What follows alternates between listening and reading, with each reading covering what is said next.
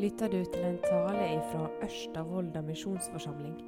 Om du vil vite mer om denne forsamlinga, kan du gå inn på øvm.no. Da har jeg lyst til å begynne med å si godt nytt år til alle sammen. Og så har jeg lyst til å si takk for det året som var, som vi fikk dele i lag. Jeg er takknemlig for at ØVM og dere som er her, er et fellesskap som jeg, i lag med min eh, familie, som dere fikk se utfolde seg på eh, fullt her, at vi får være en del av dette her. Og det å være i lag som kristne og dele år og liv sammen, det er noe som vi er kalt til. Og da er det sånn at dere her i, i ØVM hjelper meg å leve ut mitt kall, og det er jeg takknemlig for. Her i ØVM har vi et ønske om at eh, fellesskapet vårt det skal strekke seg ut over uh, søndagsgudstjenesten. Det skal strekke seg ut over smågruppene våre. Og så håper jeg at du har noen her i forsamlinga At du har funnet noen som du kan sende en melding til eller snakke med når du kjenner på at nå, nå trenger jeg at noen ber til Gud i lag med meg. Eller at du kan sende en melding når du gleder deg over noe som Jesus har gitt deg. Og så håper jeg at du får være et sånn et menneske for noen andre som er her i fellesskapet. At du får være en sånn medvandrer. Livet leves i lag, i fellesskap med andre kristne. Og Sammen så reiste vi oss nå, og så eh, sier vi fram trubekjenninga. Jeg tror på Gud Fader. Jeg tror på Jesus Kristus. Jeg tror på Den hellige ande. Og Når vi gjør det, så håper jeg at de ordene der er fullt med noe. At du klarer å se hva som ligger bak de ordene, og at vi ikke bare sier fram ei regle, men at vi er klar over hva disse ordene refererer til. Dette er ikke bare vår greie, en ting vi gjør, ei regle vi sier i lag. Men vi bekjenner at vi tror på Gud. Gud som far, Gud som sønn og Gud den hellige ande.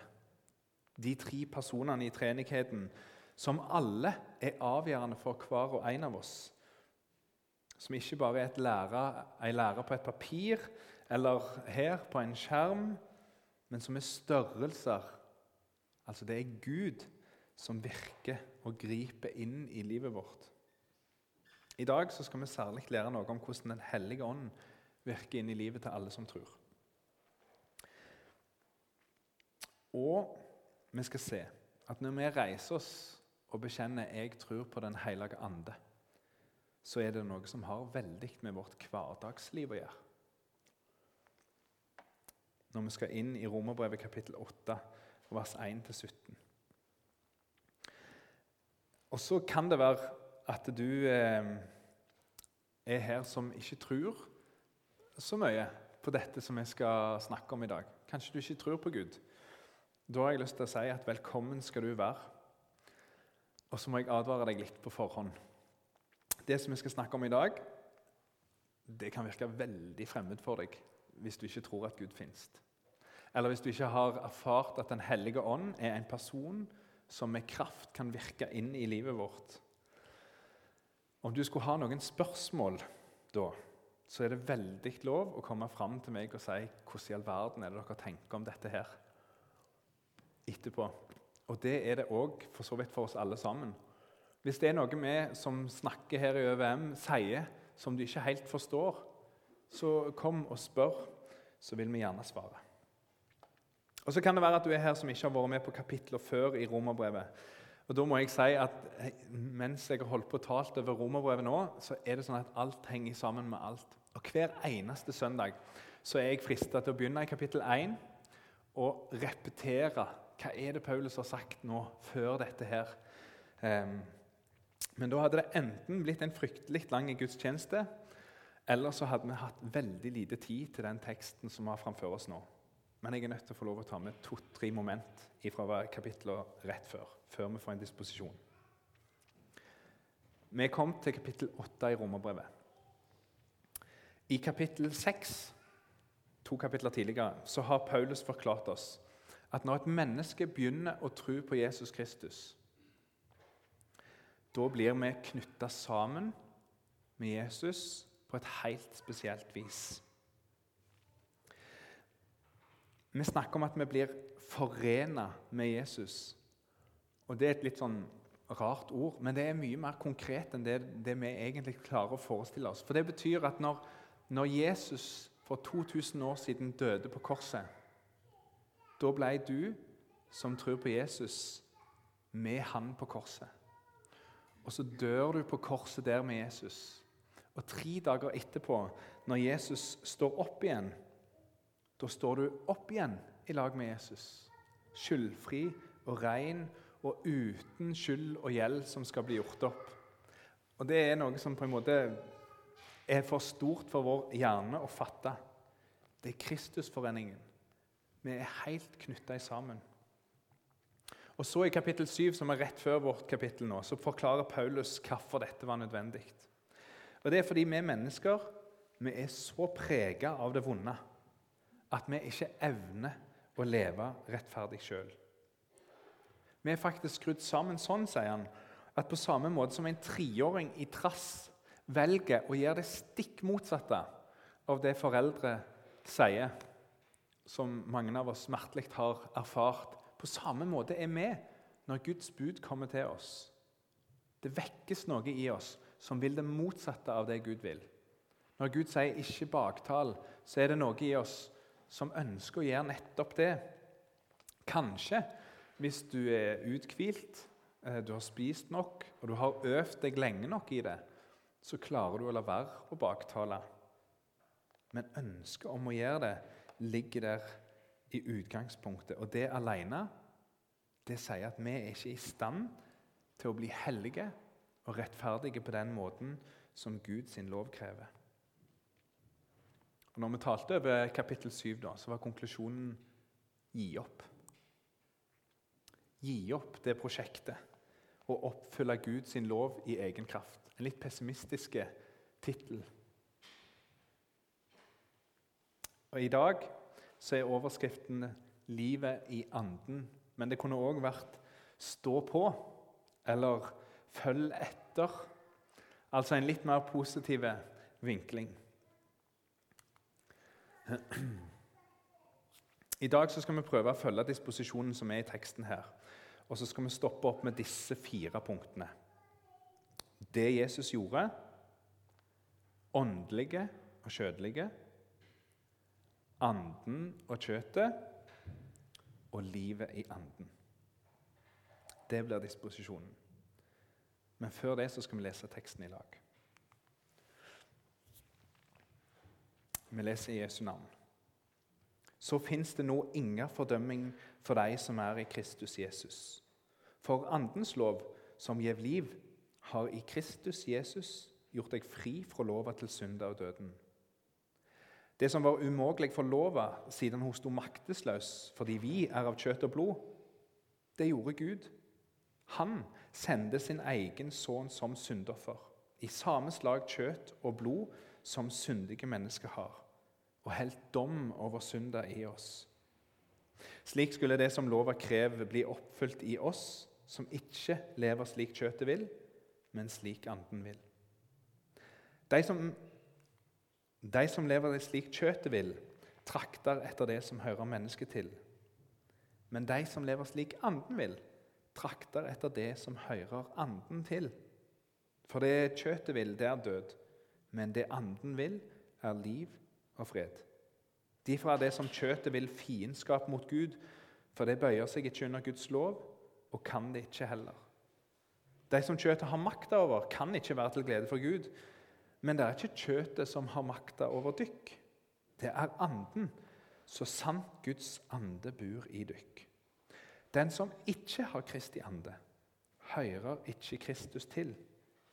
Men dersom Kristus bor i dykk, er nok kroppen død pga. synda, men ånda er levende pga. rettferda. Han reiste Jesus opp fra de døde. Og dersom Hans ande bor i dykk, skal Han som reiste Kristus opp fra de døde, også gjøre dykker dødelige kropp levende ved sin ande som bor i dykk. Så skylder vi ikke kjøttet noen ting, søsken, så vi skulle leve slik det vil. For dersom det lever slik kjøttet vil, skal det dø. Men drep det ved anden de gjerningene kroppen gjør, da skal det leve. Alle som blir drivne av Guds ande, er Guds barn. For det fikk ikke den ånda som slavene har, så det på nytt skulle frykte. Nei, det fikk anden som gjev rett til å være Guds barn, den som gjør at vi roper 'Abba, Far'. Anden sjøl vitner med vår ånd at vi er Guds barn. Men er vi Guds barn, da er vi òg arvinger. Vi er Guds arvinger og Kristi medarvinger, så sant vi lider med Han, så vi òg skal eie herligdommen sammen med Han.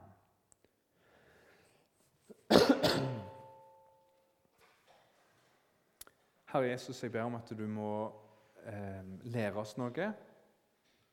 Jeg ber om at du må bevege oss på en sånn en plass at du i større og større grad får prege oss med din vilje. I Jesu navn. Amen.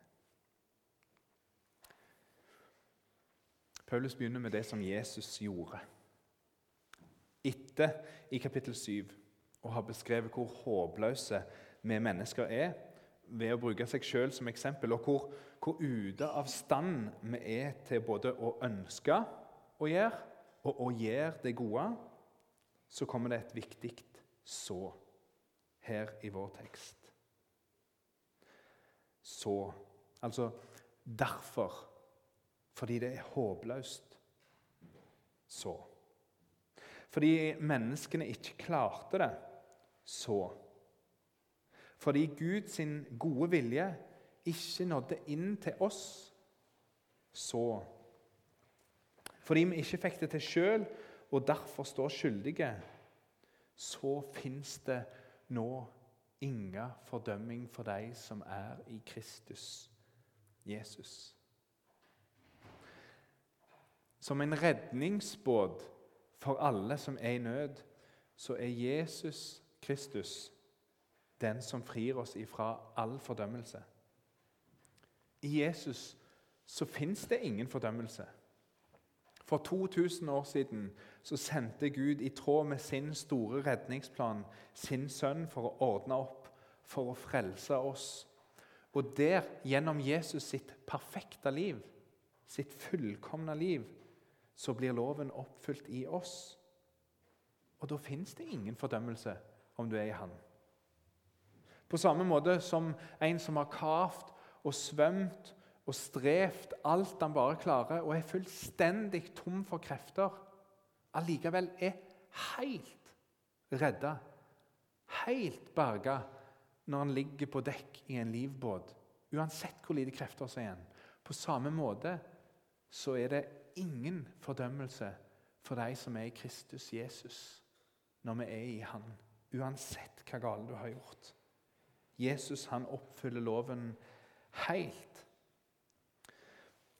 Og så står det her i en setning For loven blir oppfylt i oss som ikke lever slik kjøttet vil, men slik anden vil. Og når jeg leste denne teksten, så er den setningen en sånn en setning som har stoppet meg opp. Som jeg syns er krevende. Den kan forvirre oss veldig når vi leser den teksten. For, for den kan, når du leser den, forstås på to måter.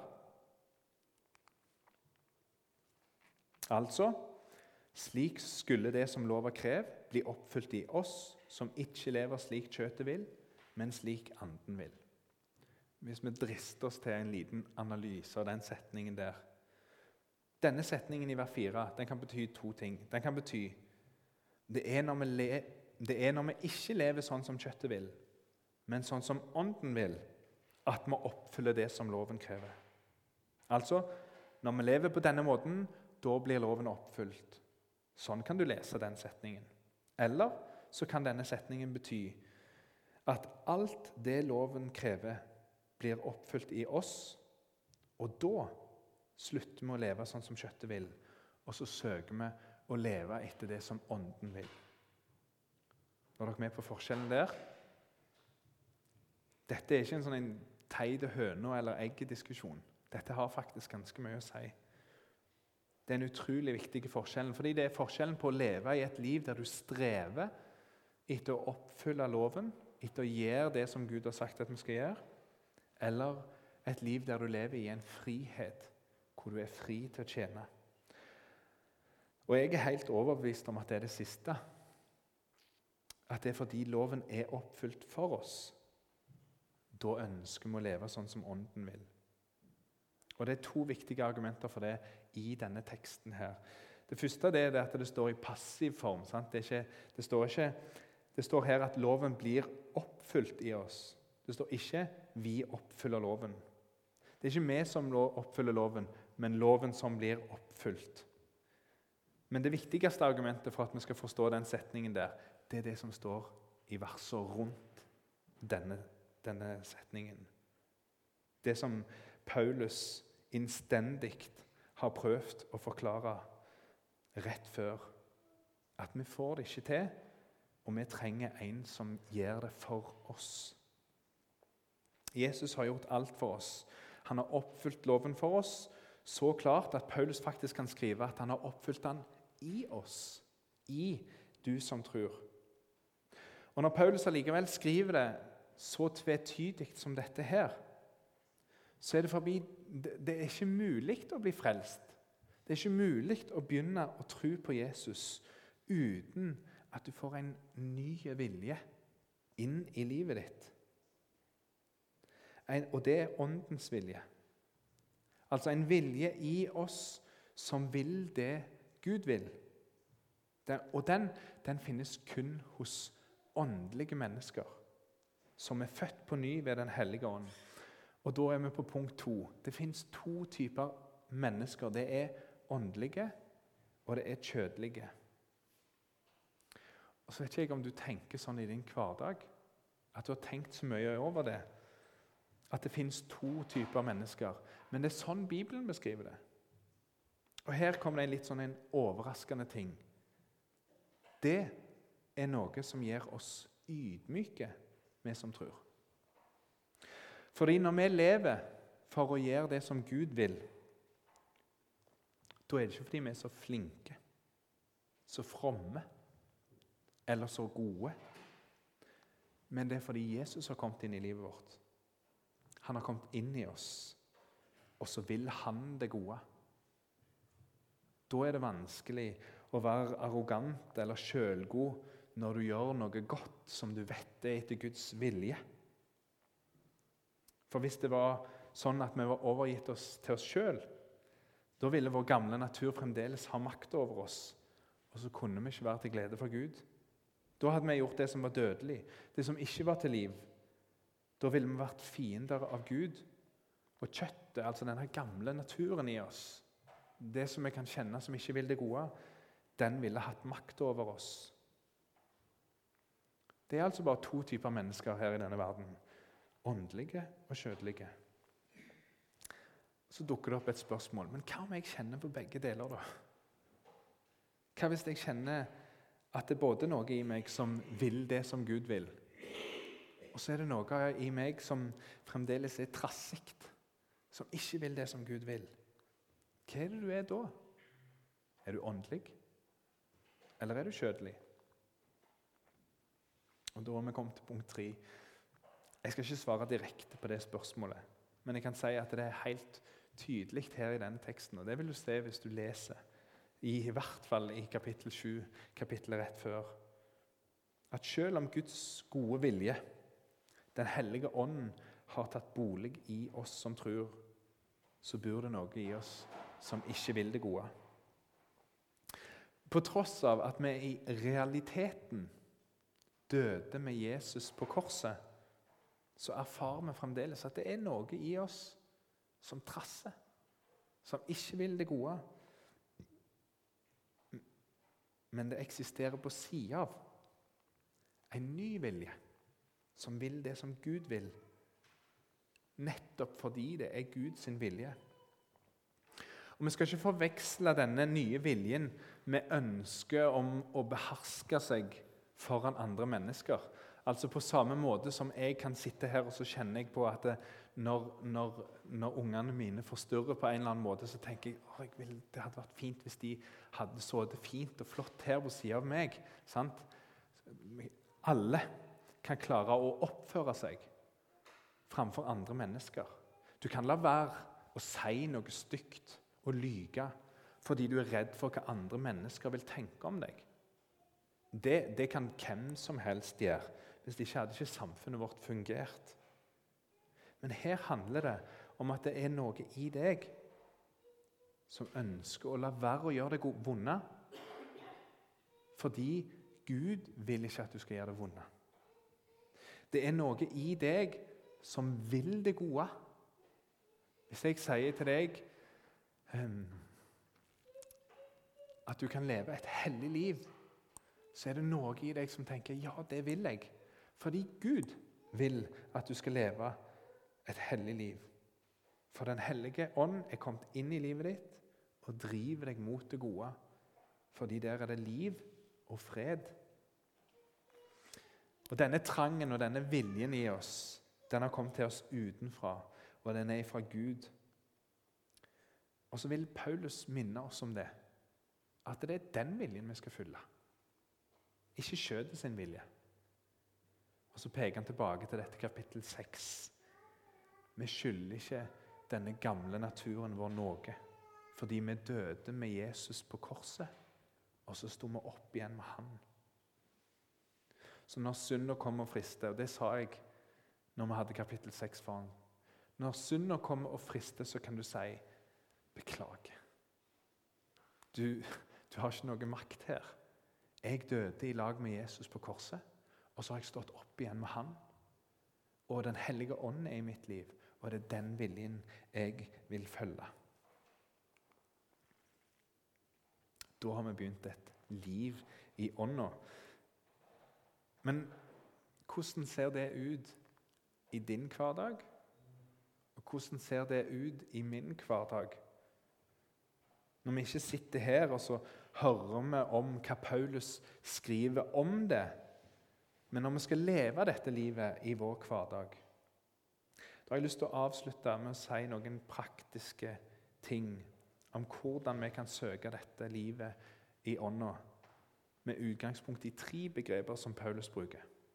Her i kapittel 8 så snakker han om å leve slik anden vil, å trakte etter det som anden vil, og bli drivne av Den hellige ande.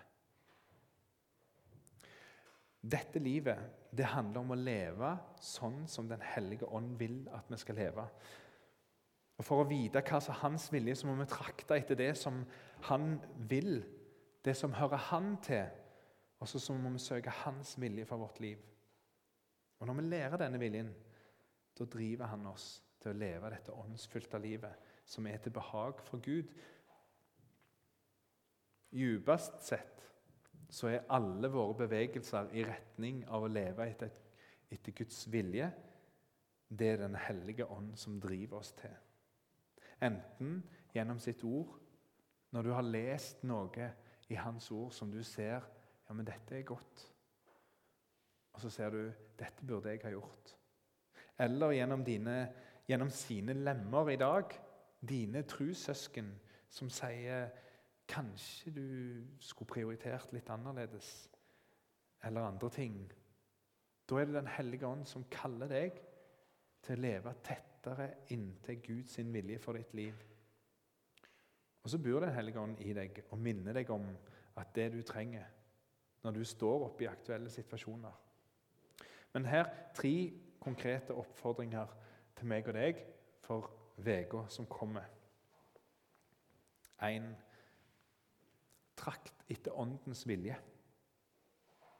Inviter Den hellige ånd til å tale inn i ditt liv. I kveld, eller der du sitter nå,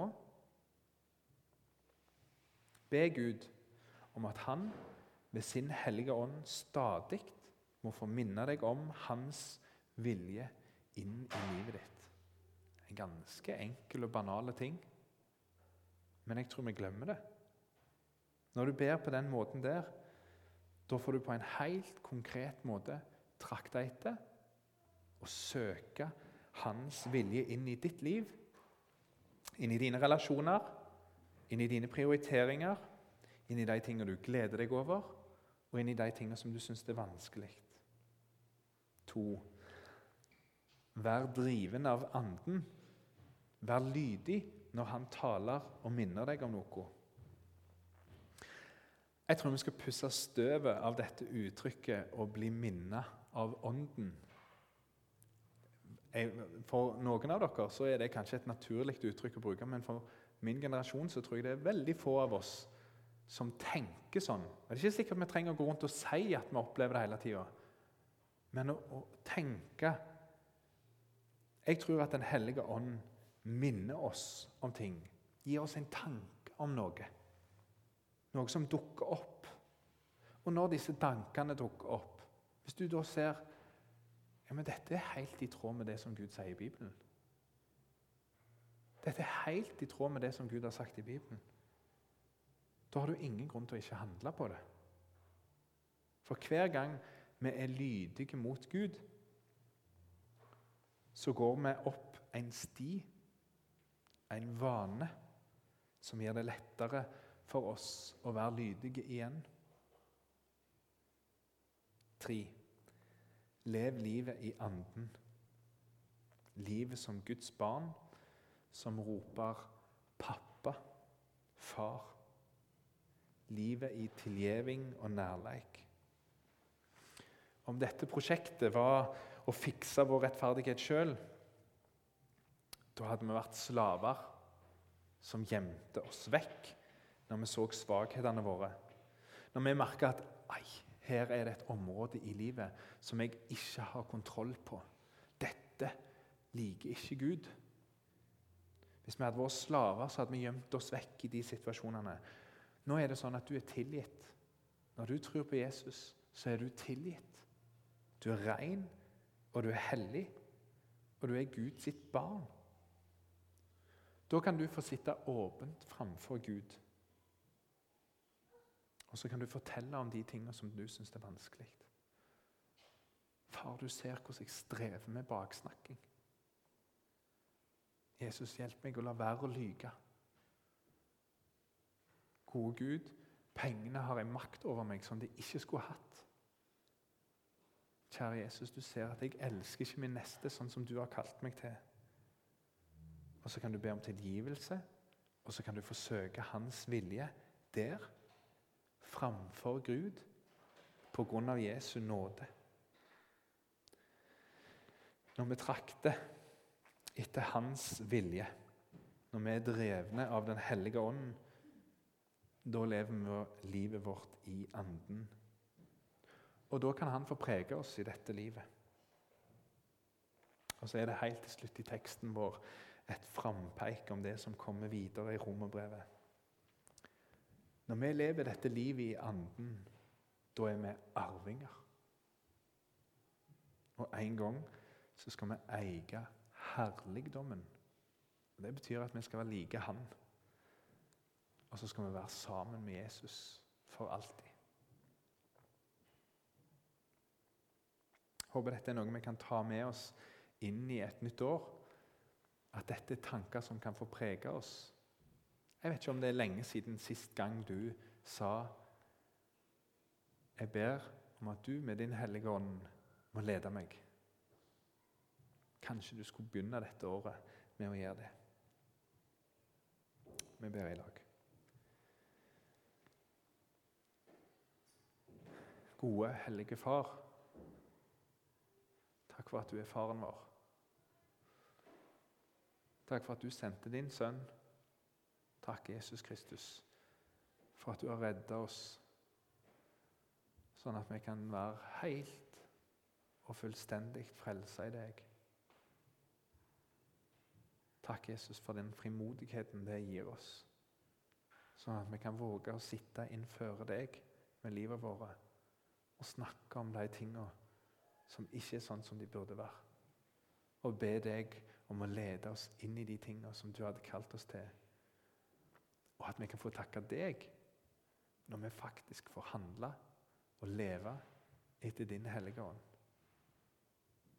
Vi ber Jesus om at du må lede oss, hver enkelt av oss, og oss som fellesskap. I Jesu navn. Amen.